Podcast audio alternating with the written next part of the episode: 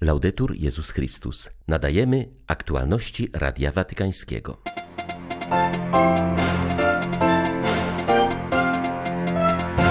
Ojciec Święty zawierzył Matce Bożej polskich pielgrzymów, którzy zginęli w drodze do Medjugorja. Tymczasem w tym maryjnym sanktuarium trwa nieustanna modlitwa za ofiary i ich rodziny. Papież Franciszek wyraził satysfakcję z wypłynięcia z portów Ukrainy pierwszych statków załadowanych zbożem. Zachęcił też do dalszej modlitwy o pokój. W Santiago de Composteli zakończyła się europejska pielgrzymka młodzieży. 7 sierpnia wita Państwa Beata Zajączkowska. Zapraszam na serwis informacyjny. Papież Franciszek zawierzył Matce Bożej polskich pielgrzymów, którzy zginęli w drodze do Medjugorja. Wyznał, że z bólem przyjął wiadomość o tej tragedii, która wydarzyła się wczoraj w Chorwacji. Tymczasem w tym maryjnym sanktuarium trwa ciągła modlitwa za ofiary wypadku, rannych oraz ich rodziny. Zarówno mieszkańcy Medjugorja, jak i będący na miejscu pielgrzymi są bardzo poruszeni tą tragedią. Z wszelkich stron płyną na nasze ręce wyrazy współczucia i i zapewnienia o modlitwie, mówi ksiądz Artur Stępień. Polski Pallotyn jest rektorem Domu Pielgrzyma Królowej Apostołów Pokoju w Medjugorju. Muszę powiedzieć, że od razu ta informacja do nas dotarła. Bardzo szybko, wczesnym rankiem.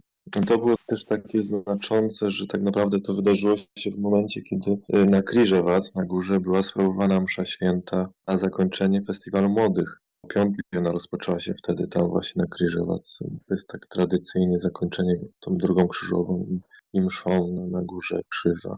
No i to oczywiście poruszyła głęboko i mieszkańców, i pielgrzymów, którzy tutaj jeszcze byli. No do nas docierają tutaj, czy przez nasz dom, no różne takie oznaki jedności i kondolencje.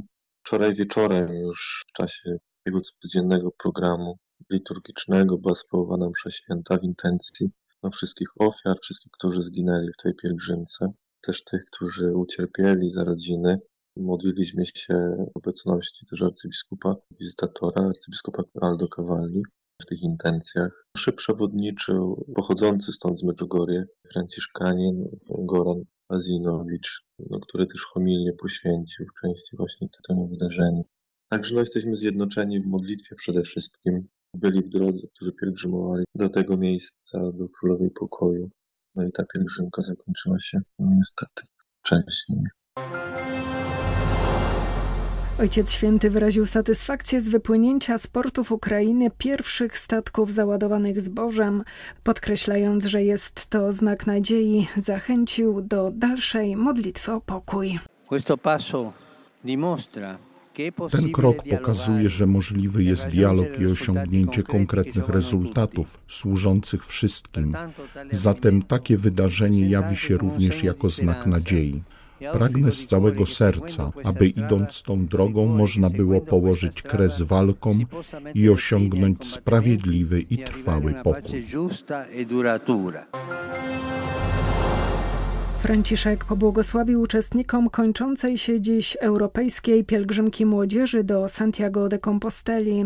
Uczestników tego wydarzenia zachęcił, by ich życie było zawsze pielgrzymką ku Bogu i ku braciom i siostrom, pielgrzymką w służbie i radości. Ponad 12 tysięcy młodych ludzi zgromadziło się na Monte del Gozo, aby wziąć udział w mszy rozesłania, która zakończyła europejską pielgrzymkę młodzieży. Przewodniczył jej kardynał Antonio Augusto dos Santos. Santos Marto, a koncelebrowało 60 biskupów oraz liczni kapłani. W homilii podziękował młodym za piękny przykład braterstwa i zachęcił do budowania kultury spotkania oraz troski o bliźniego. Młody człowieku, wstań i bądź świadkiem. Każdy z Was może odpowiedzieć na te słowa Jezusa i zaangażować się w budowę świata bardziej prawdziwego i pięknego dla wszystkich, w którym bylibyśmy braćmi w wierze i życiu, gdzie pokój jest silniejszy od wojny, a życie jest szanowane od poczęcia aż do śmierci, podkreślił portugalski purpurat. Młodzi ludzie wracają z Santiago de Composteli pełni entuzjazmu i radości. Wszędzie młodzież widać, wszędzie ją czuć, jest bardzo wesoło, grają, śpiewają. Mówi Anna Fryc,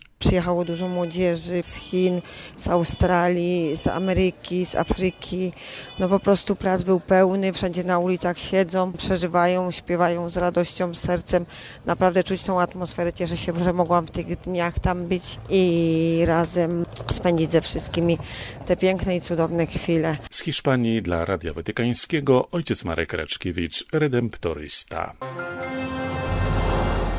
Nasze dzieje są mocno osadzone w rękach Boga, jednak świadomość tego, że Pan z miłością czuwa nad nami, nie upoważnia nas do lenistwa. Wręcz przeciwnie, musimy być czujni i dyspozycyjni, bo kochać to znaczy być wrażliwym na drugiego człowieka. Franciszek mówił o tym w głównym rozważaniu przed południową modlitwą Anioł Pański. Czasami czujemy się uwięzieni w poczuciu nieufności i udręki.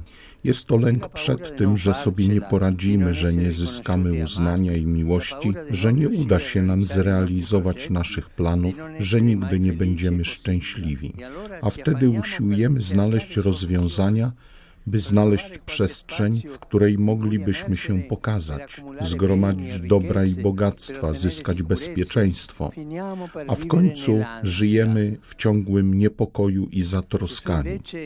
Natomiast Jezus nas uspokaja: nie bójcie się, zaufajcie Ojcu, który chce Wam dać wszystko, czego naprawdę potrzebujecie.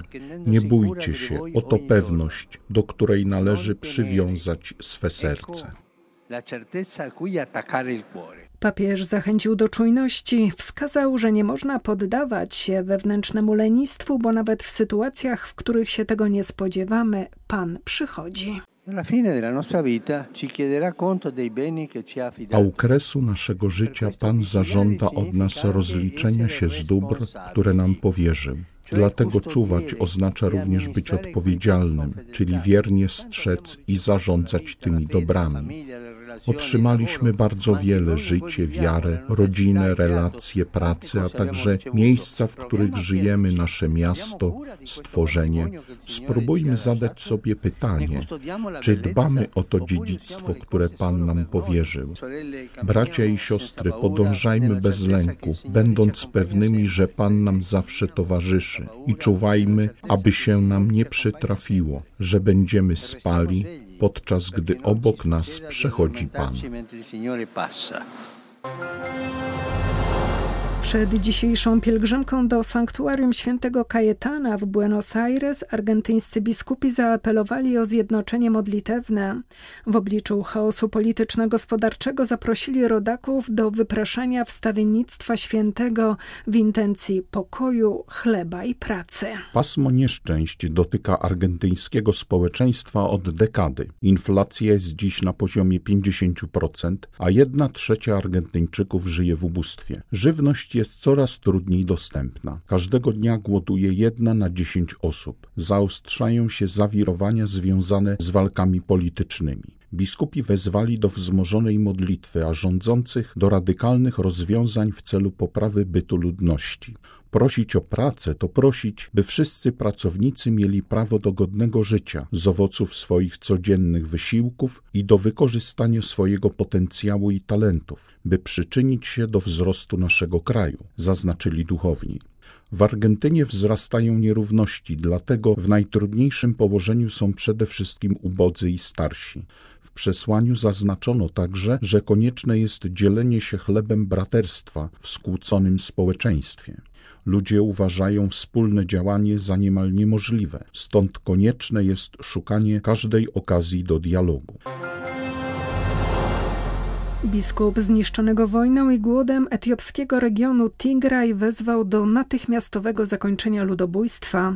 Ostrzegł przed dalszymi skutkami klęski głodu, która od wybuchu wojny doprowadziła już do śmierci tysięcy osób. Zaapelował do społeczności międzynarodowej o szybką interwencję i położenie kresu jednemu z najpoważniejszych kryzysów humanitarnych w historii Etiopii. Światowe organizacje praw człowieka nie mają wątpliwości, że etiopskie władze organizują w regionie Tigraj systematyczną kampanię czystek etnicznych. Rządzący stosują sankcje i blokadę regionu, a jako broń wykorzystują głód i choroby. W ostatnich miesiącach do potrzebujących prawie nie docierała pomoc humanitarna, nie działa transport, telekomunikacja, bankowość, nie funkcjonują szkoły i ośrodki zdrowia. Pomóżcie odblokować Tigraj, musicie wreszcie wywrzeć presję i podjąć jakieś działania, napisał biskup Tesfa Selassie Medin, zwracając się do rządów, organizacji i firm, które przyczyniają się do przedłużenia blokady. Zauważył, że każdy dzień zwłoki kosztuje życie setek osób, w tym niewinnych kobiet i dzieci. Eksperci, którzy monitorowali konflikt, twierdzą, że w ciągu ostatnich 16 miesięcy z powodu wojny i głodu w regionie Tigraj zginęło ponad 500 tysięcy osób. ONZ poinformowała, że ponad 2 miliony ludzi musiało opuścić swoje domy. Wraz z duchownymi i świeckimi z naszej diecezji osobiście doświadczam cierpień tego narodu. Nie mogę milczeć wobec tej wołającej o pomstę do nieba obojętności. Błagam Boga, w którym jest nasza jedyna nadzieja o pomoc, napisał biskup Medin. Publiczne zakłady opieki zdrowotnej we Włoszech i wspólnota świętego Idziego podpisały umowę na rzecz pomocy osobom wykluczonym, starszym, bezdomnym, niepełnosprawnym i migrantom. Porozumienie jest efektem owocnej współpracy pracowników medycznych i wolontariuszy w czasie pandemii, która umożliwiła przeprowadzenie skutecznej kampanii szczepień wśród osób pozostających na marginesie społeczeństwa.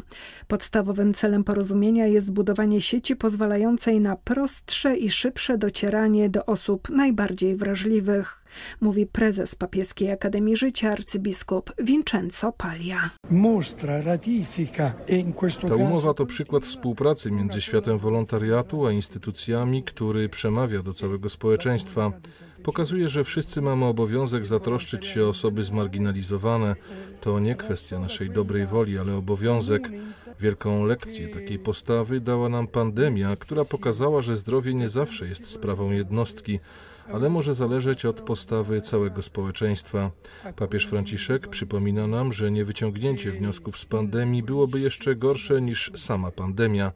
Ta umowa jest znakiem przełamywania szalejącej wokół nas obojętności. Musimy wybrać bycie braćmi jako styl naszego życia, jako przykład do naśladowania, który należy pomnożyć przez setki i tysiące.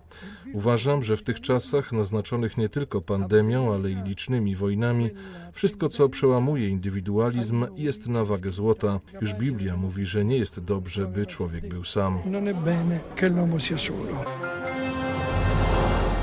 Włoski Czerwony Krzyż cały czas pomaga objętej wojną Ukrainie. Obecnie zapewnia najbardziej poszkodowanym żywność oraz wsparcie medyczne i socjalne. Będziemy działać tak długo, jak będzie to konieczne, mówi dyrektor do spraw operacji i sytuacji kryzysowych tej organizacji. Jak zaznaczył Ignacjo Szintu, do Winnicy i Żytomierza wyjechało z Rzymu kilka mobilnych klinik podstawowej opieki zdrowotnej, a także 100 tymczasowych modułów mieszkalnych, które zostaną zainstalowane w Kijowie. Mobilne kliniki będą pracować na obszarach częściowo dotkniętych konfliktem, ale uznawanych w tym momencie za bezpieczne. Jedną z potrzeb, którą się na pewno zajmiemy, jest stopniowa odbudowa oraz zaspokojenie zapotrzebowania na żywność. Mamy plany pomocy co najmniej do 2023 roku. Nawet gdyby wojna skończyła się jutro, to obecne straty powodują długotrwałe problemy, dlatego działamy długoterminowo. Możemy jedynie oczekiwać, że po zakończeniu sytuacji kryzysowej pozostaniemy w gotowości do działania tak długo, jak będzie to konieczne. Dzięki modułom mieszkalnym będziemy mogli zapewnić dach nad głową setkom wysiedlonych i potrzebujących rodzin. Były to aktualności Radia Watykańskiego. Laudetur Jezus Chrystus.